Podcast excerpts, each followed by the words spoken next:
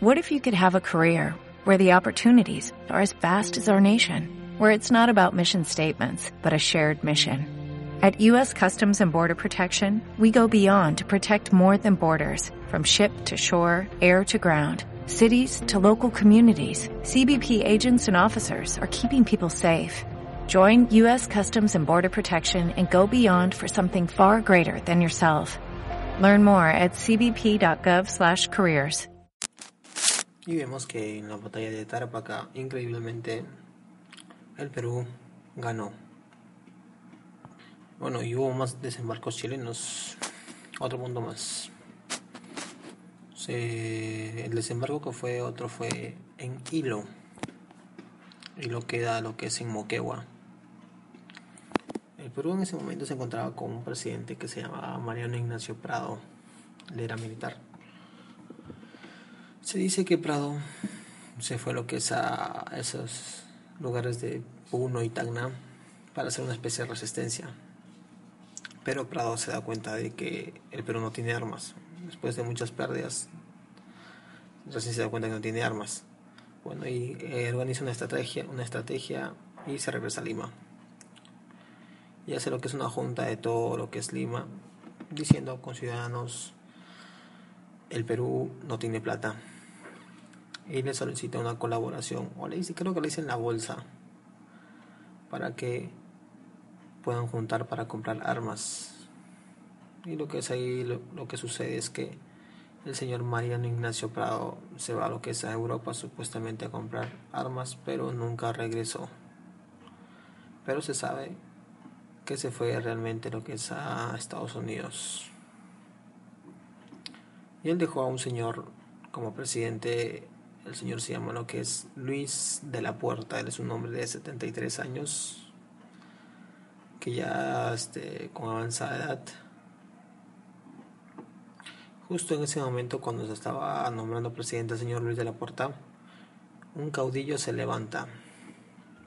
Es lo que es otro levantamiento más, el levantamiento del caudillo del señor Nicolás del Pierola. Como decía, el levantamiento del caudillo, un caudillo no militar, sino un caudillo civil. El señor, el señor era el señor Nicolás del Pierola. Y bueno, tras el levantamiento de Pierola se dice que el Perú, él es un civilista, en vez de unirse más, se separó más. Y eso se le llama lo que es el golpe del califa del presidente Pierola. Bueno, se da lo que es este el nuevo presidente Pirola, pero la gente del sur no se enteraba todavía de que había un cambio de presidente o de que Pirola había hecho un, una sublevación. En plena guerra se dice que le llegaron una carta que diciendo que el nuevo comandante y héroe del Perú era el señor Pirola.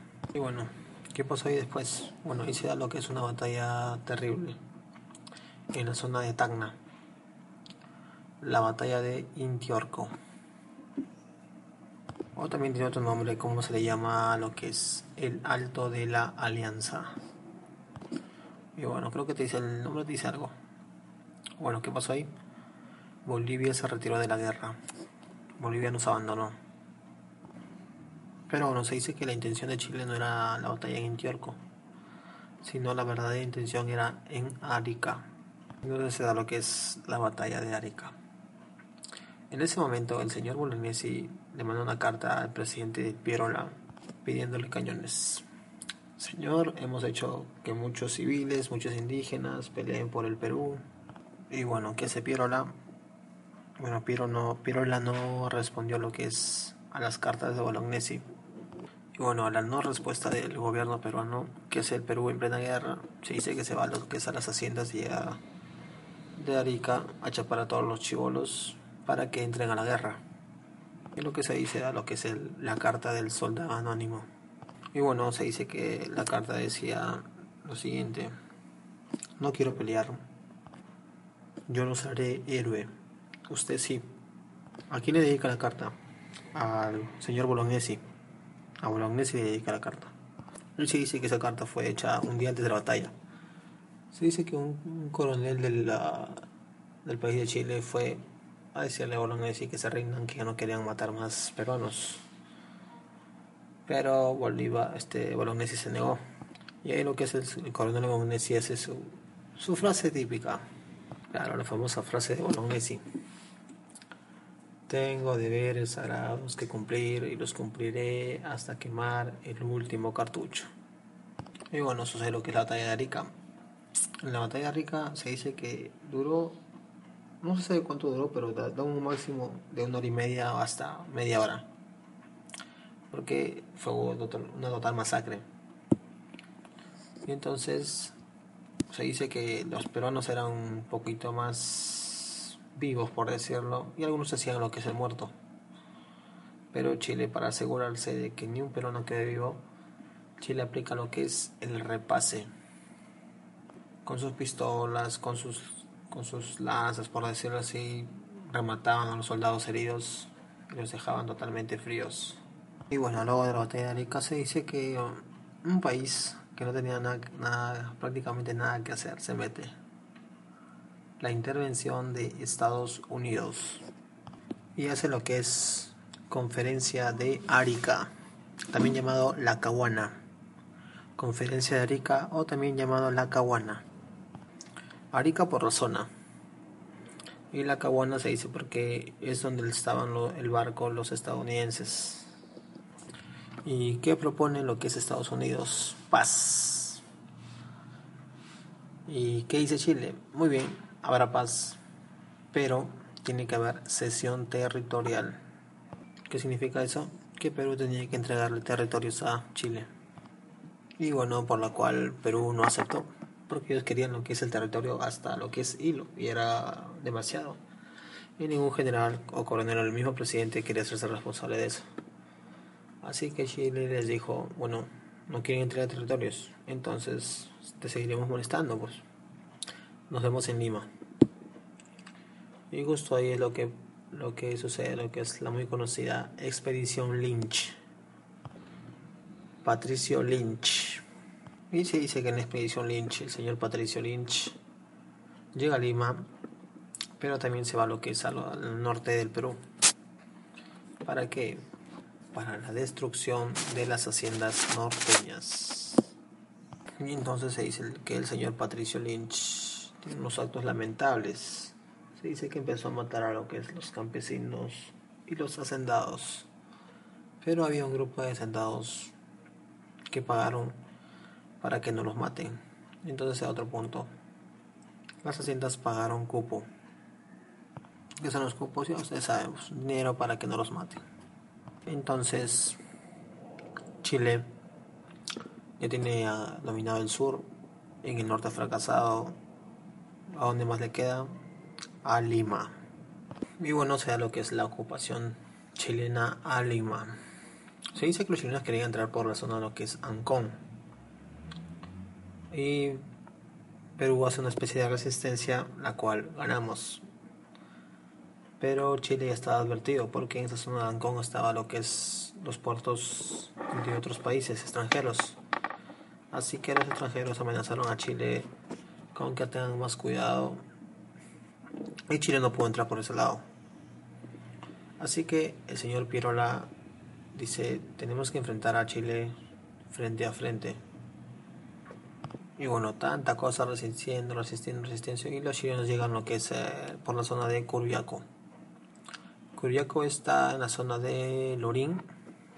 Antes le llamaban lo que es este la bahía de Curiaco, pero ahora solamente le dicen Lorín. Y bueno, tenemos aquí a nuestro presidente Nicolás del Pierola. ¿Qué hace él? Toma el mando de los militares y ¿qué hace él? Organizó la resistencia. Y bueno, Nicolás del Pierola se da cuenta que no hay soldados y tampoco hay armas. Entonces, Nicolás de Pirola convoca lo que es la reserva. Convocó a la milicia urbana. Bueno, y Pirola hace un llamado. Todos los hombres y jóvenes vengan acá, a este parque. El parque actualmente llamado Parque La Reserva, o también creo que le dicen el agua. Y a lo que es la milicia urbana. Pirola dice, pero eso sí, traigan sus armas y bueno, sea lo que es este todos los conciudadanos de Lima llevaron lo que es sus rifles, sus escopetas, Pero la pregunta era cuánta munición podría tener un ciudadano en ese momento. Porque para poder resistir lo que es el ejército chileno era casi imposible. Y bueno, a toda esa mancha le llamaron lo que es la reserva. Y ahí toma el nombre lo que es el parque actual. A ver qué pasará acá. Se dan dos batallas. Batalla de San Juan y batalla de Miraflores. Batalla de San Juan. Se dice que Perú hizo una línea de defensa, pero no pudo aguantar. ¿Qué pasó acá? Perdimos. Se dice que hubo una, una especie de tregua. La tregua lo hicieron el 15 de abril. La tregua quería que Chile no ataque a Perú por 15 días. Solamente duró un día. Y bueno, se dice que los chilenos entraron a por Chorrillos, mataron, violaron, hicieron lo que se, hicieron lo que le da la gana. Y en medio de la borrachera era innegable atacarlos. Pero el Perú no atacó. A los chilenos se le pasó la resaca y también sucedió lo que es la batalla de Miraflores.